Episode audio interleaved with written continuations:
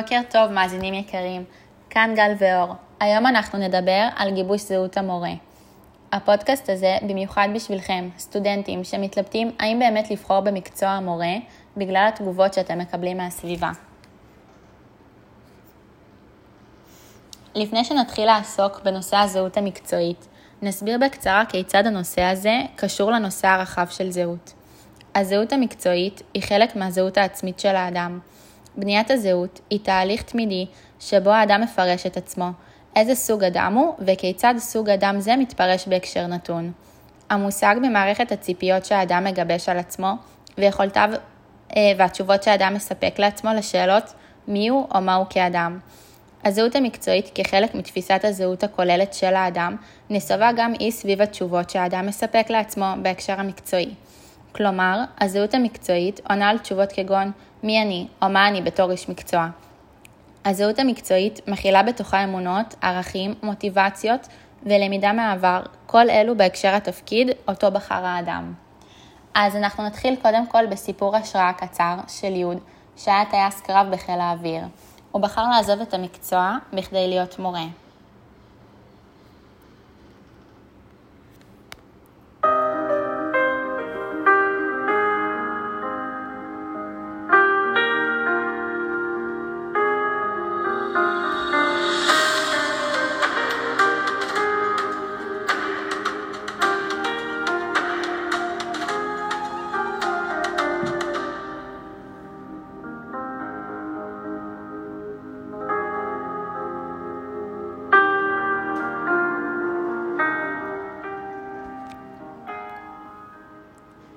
הבחירה בהוראה הגיעה אליי מאוחר יחסית, בגיל 28.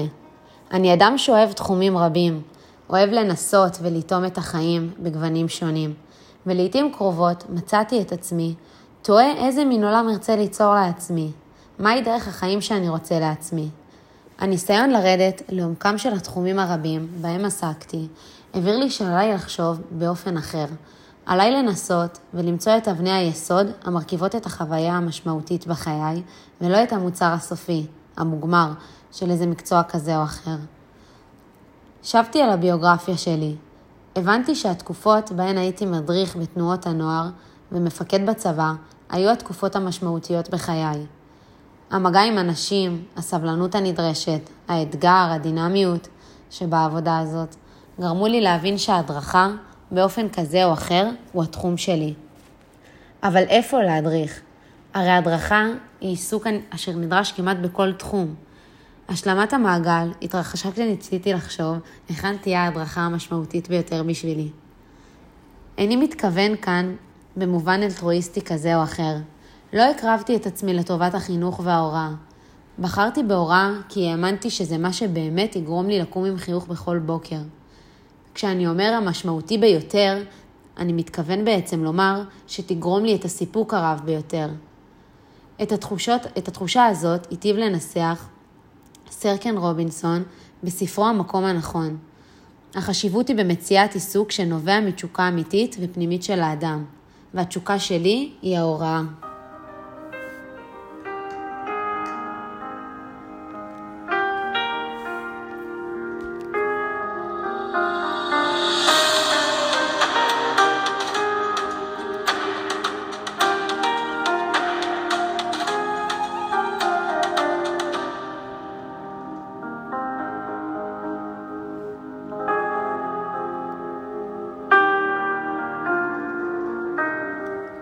וואו, איזה סיפור. גל, את היית מוכנה לוותר על עבודה בתור טייסת בשביל להיות מורה? אני אגיד לך את האמת, זאת ממש התלבטות. תראי, יש בזה משהו. מצד אחד להיות טייס זו עבודה מאוד מתגמלת. זו גם משרה נחשקת, את גם מתוגמלת טוב במשכורת, ובואי נודה באמת, מי לא היה רוצה לטייל בכל העולם, כל יום במקום אחר. אבל תחשבי על זה רגע. חלום זה דבר מאוד אינדיבידואלי. לכל אחד יש חלומות אחרים. יוד רואה את מקצועות ההדרכה כשליחות, או ממש מאמין שזו דרך החיים שהוא רוצה. הוא שם רגע את הכסף בצד, וגם את המעמד בצד, הוא מגשים את מי שהוא באמת באמת רוצה להיות. אני באמת חושבת שיש חשיבות רבה למה שאתה בוחר לעשות. להשפע... לעבודה יש השפעה גדולה מאוד על החיים שלנו. תחשבי על זה, אם נעסוק רק במקצוע שמכניס לנו כסף, זה מה שיהפוך אותנו למאושרים? האמת שאני חושבת שלא. נכון, בגלל זה הייתי רוצה לקום כל בוקר לעבודה שטוב לי בה, לעבודה שאני מאמינה בה, ולחזור הביתה עם הרגשת סיפוק, ולא רק עם הרגשה שבאמת הרווחתי הרבה הרבה כסף.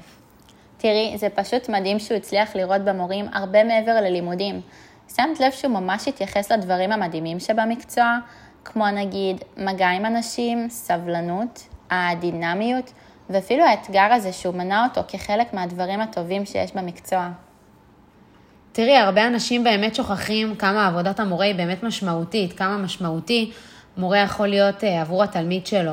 תחשבי כמה סיפורים כאלה יש לנו על מורים שבאמת שינו את החיים של התלמידים שלהם. סתם מעניין אותי, את מכירה אולי באופן אישי סיפור כזה של מורה שהיה משמעותי עבור התלמיד שלו? וואו, האמת שכן, אני ממש מכירה סיפור כזה מקרוב. הייתה לי תלמידה אחת בכיתה שהיה לה ממש קשיים בלימודים. כל הזמן הייתה מפריעה לנו בשיעור. הייתה קופצת, שרה, רוקדת, מתפרצת לדברי המורה. הייתה עושה הכל, העיקר לא ללמוד. וברור שגם הציונים שלה היו בהתאם. אחרי שנה בערך הגיעה אלינו מחנכת חדשה לכיתה, ומעבר לזה שהיא מעולם לא הוציאה אותה מהכיתה, היא אפילו קיבלה אצלה ציונים ממש גבוהים. ואת יודעת למה זה קרה? למה? המורה הראתה לה שהיא תמיד לטובתה. בסוף שיעור כל פעם היא התעניינה בשלומה, היא שאלה אותה מה קשה לה ואיפה אפשר לשפר את מהלך השיעור כדי להקל עליה. היא ממש הייתה שם עבורה, הראתה לה כמה היא שם בשבילה. והתלמידה באמת הרגישה שהמורה רוצה רק בטובתה.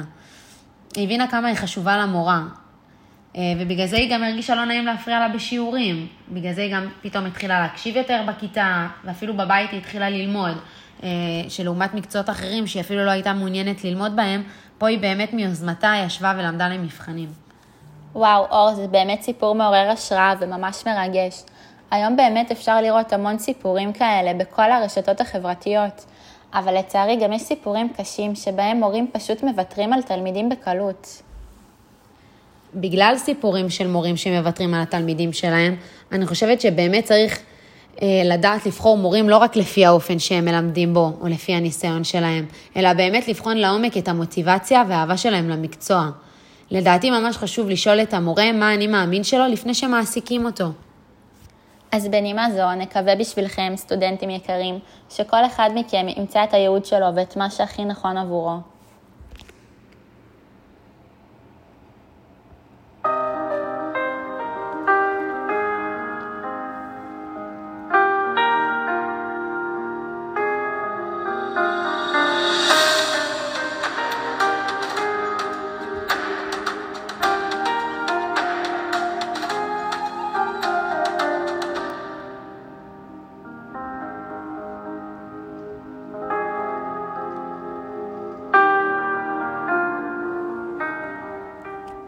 אז לסיום, מאזינים יקרים, תודה רבה שהייתם איתנו והקשבתם לנו.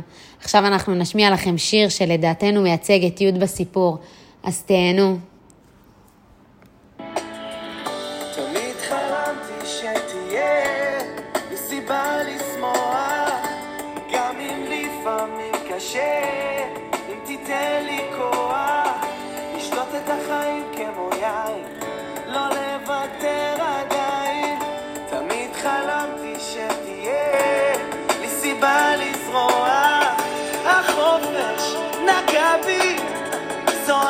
שלא הכרתי בדרך שכחתי.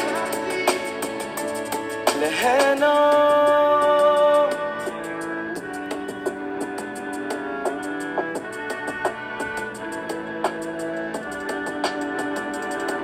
עם הרוח הקרה שמתחילה לנשוב לכל כיוון שהיא תיקח אותי מבלי לחשוב והעולם אחר סוף סוף צבעים על הירח אני שט איתו, שלם עם הגורל אני בוטח בו, והעולם זוהר, איזה נור.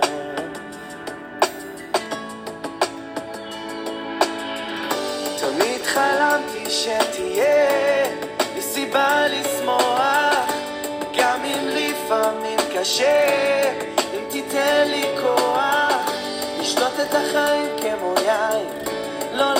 לוותר עדיין, תמיד חלמתי שתהיה